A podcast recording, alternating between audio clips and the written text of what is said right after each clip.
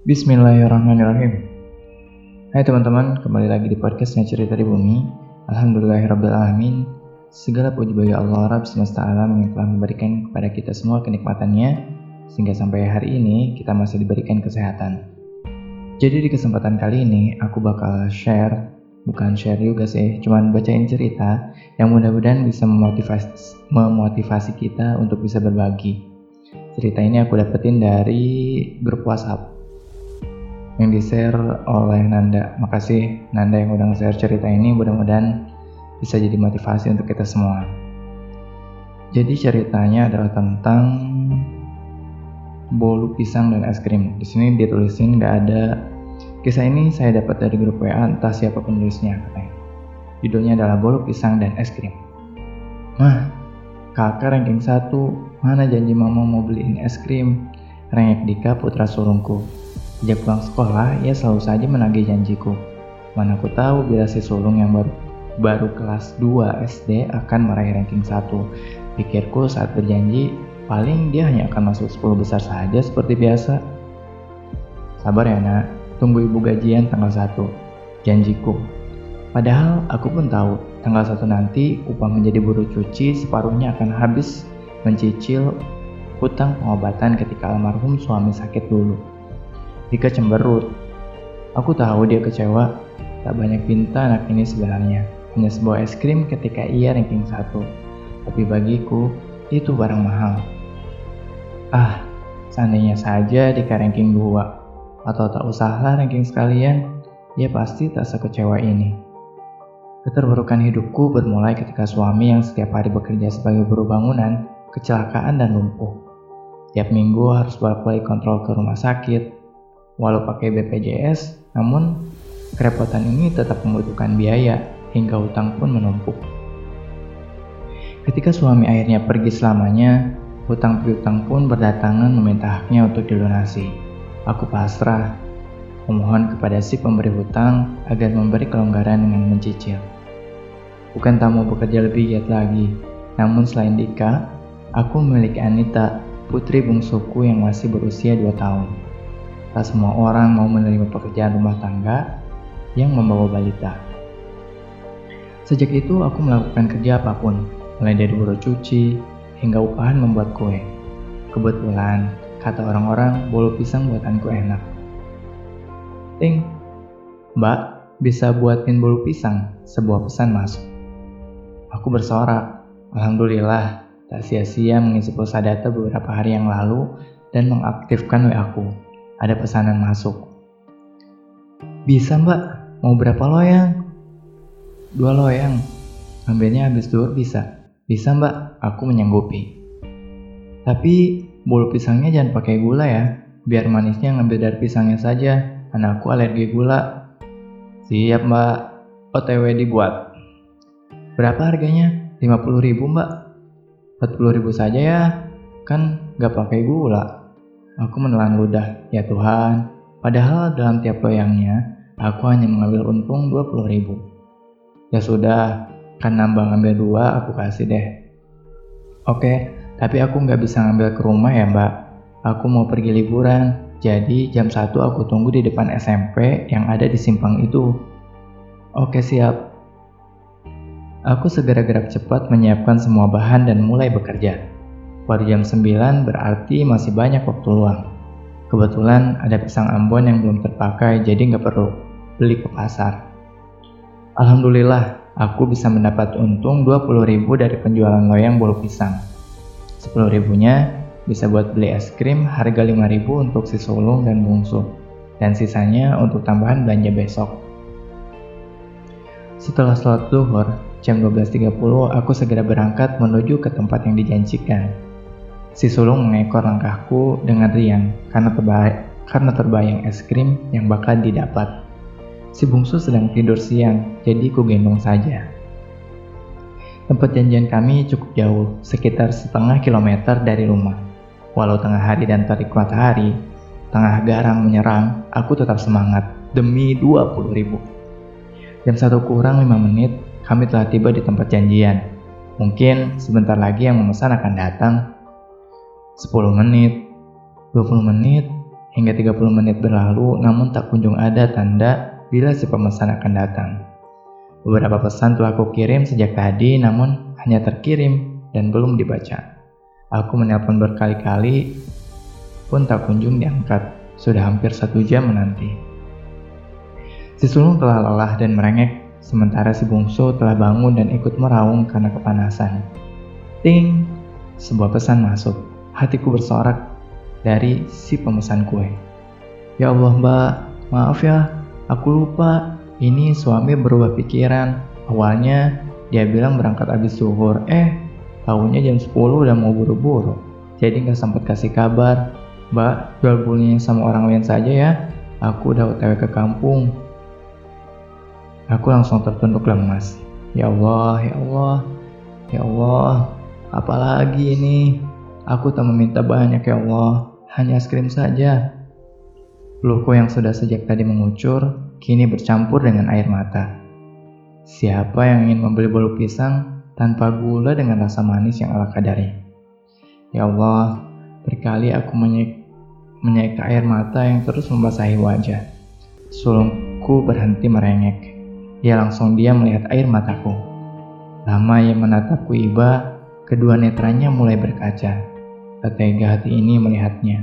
Ya hanya es krim seharga 5000 ya Allah.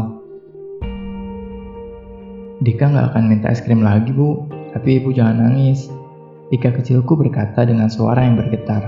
Sepertinya ia pun menahan tangis. Kita pulang nak, ucapku. Dika mengangguk. Si bungsu pun tangisnya mulai mereda. Sepertinya ia mengerti akan kegundahan hati ini. Ya Allah, beginilah rasanya. Sakit ya Allah. Sakit. Sakit sekali. Sepele bagi mereka, namun bagiku begitu berat. Bahan-bahan bolu itu adalah moda terakhir dan kini seolah sia-sia. Ya Allah, berkali-kali aku menyebut namanya. Berat, sungguh berat. Belum lama suamiku pergi dan kini rasanya aku lemah. Tak banyak ya Allah, hanya es krim saja. Itu saja untuk menyenangkan buah hatiku dan kini bukan untung yang aku dapat, malah kerugian yang telah nyata di depan mata. Aku baru saja memasuki halaman rumah kontrakan ketika Butia tetanggaku kulihat telah menunggu. Eh, ibunya Dika. Dicariin, untung cepet pulang. Ada apa bu? Tanyaku. Semoga saja wanita baik ini akan memberikan pekerjaan. Apa saja boleh, bahkan yang terkasat sekalipun akan ku terima. Tapi nggak mungkin, di rumah besarnya sudah ada dua pembantu yang siap sedia. Aku kembali membuang anganku. Gini, ibu jangan tersinggung ya. Butia menatapku, aku mengangguk. Ingin kukatakan bila rasa tersinggung itu sudah lama lenyap dalam kamus hidupku. Apanya anak-anak kan baru pulang jemput kakek neneknya dari bandara. Ya dasar laki-laki Taunya kan cuma nyenangin anak tapi nggak tahu yang baik. Aku mengangguk, walau belum paham ke mana arah pembicaraan. Masa dia ngebeliin anak-anak es krim sampai lima buah? Padahal anakku kan masih batuk pilek parah. Jadi daripada buat rusuh, mau ya bu nerima es krim ini untuk Dika dan adiknya. Butia menyerahkan plastik putih berisi es krim kepadaku. Aku terdiam, tak sanggup berkata-kata. Asik, Dika bersorak. Aku masih bergeming. Loh, yang ibu bawa itu apa? Tanya Butia melirik kantong hitam berisi dua kotak bolu pisangku. Bolu pisang bu, tapi nggak manis. Kebetulan yang mesan batal. Wah, kebetulan neneknya di rumah itu diabetes, jadi nggak bisa makan manis. Saya beli ya untuk cemilan. Benar bu, aku bertanya tak percaya. Iya, berapa harganya? Berapa saja bu, terserah asal jadi uang. Ya sudah, Butia menyerahkan dua lembar uang merah ke dalam genggamanku. Ya Allah, ini kebanyakan bu, ucapku. Sudah, nggak apa-apa, ambil saja. Kalau mesan yang kayak gini emang mahal kok bu. Butia langsung mengambil kantong berisi bolu pisang dan bergegas pergi. Aku masih diam dengan air mata yang mulai menetes lagi, baru saja mengeluh akan pahitnya hidup. Akan pahitnya hidup, dan kini semua telah terbayar lunas. Butia meletakkan bolu pisang yang baru saja ia beli di atas meja makan. Ia duduk dan, mem dan memandang dua kotak bolu pisang itu dengan tatapan berkaca. Sungguh zolim sebagai tetangga. Bahkan ada seorang janda yang kesusahan pun ia tak tahu. Sementara baru saja yang membeli tas branded seharga jutaan dan tak jauh dari rumahnya ada seorang anak yatim yang merengek pada ibunya hanya demi sebuah es krim. Untung saja Fahri putranya bercerita. Bila tidak, pastilah kezaliman ini akan terus berlangsung. Mah, tadi yang juara satu Dika, tetangga kita yang di ujung itu. Lapor putra sulungnya. Bagus dong, les di mana dia?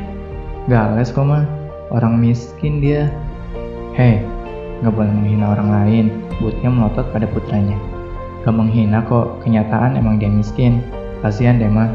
Masa kan ibunya janji mau beliin dia es krim kalau ranking satu. Eh, pas dia ranking malah ibunya bilang tunggu ada uang.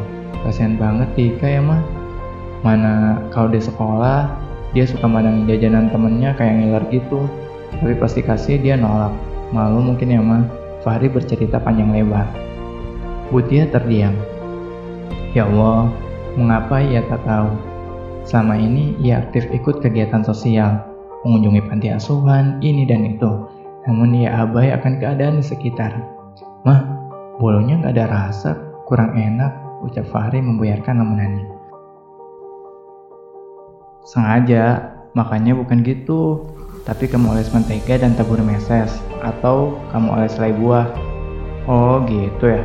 Tumben mama pesen bulu tawar. Lagi pengen aja. Butia menghela napas panjang. Tak akan terulang lagi.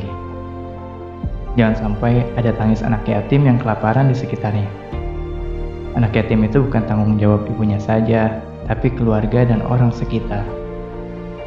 Sepele bagi kita namun berarti bagi mereka. Ada kala sisa nasi kemarin sore yang tak tersentuh di atas meja adalah mimpi dari anak-anak yang telah berhari-hari terpaksa hanya berteman dengan ubi rebus saja. Jangan heran menatap Binar seorang yang begitu terharu ketika gaun pesta yang menurut kita sudah ketinggalan zaman itu kita berikan pada mereka. Uang 50 ribu yang sangat mudah lenyap ketika dibawa ke minimarket bertukar dengan Kinder Joy dan beraneka ragam jajanan yang habis dalam sekejap itu adalah setara dengan hasil kerja keras seorang buruh dari subuh hingga menjelang maghrib. Bersedekah itu nggak perlu banyak, sedikit saja dari yang kita punya. Memberi itu jangan menunggu kaya. Saat kekuranganlah, justru diri harus lebih bermurah hati. Beruntunglah bila di sekitar kita begitu banyak ladang sedekah, di mana kita dapat menukar rupiah menjadi pahala. Kaya itu bukan pada jumlah harta, tapi bagaimana kita membelanjakannya. Akhirat itu ada, dan sudahkah kita menyiapkan hunian di sana? Mengingat diri agar lebih peka. Ingat, ini salah satu kerja makomi kesolehan sosial, agar peduli saudara atau tetangga kita. Nah itu dia teman-teman cerita singkat. Kalau dulu sih aku pertama kali baca cerita ini cukup menyentuh hati. Dan mudah-mudahan cerita ini bisa menjadi pemantik diri kita untuk bisa senantiasa berbagi dengan orang-orang sekitar kita. Sekian mungkin podcast kali ini.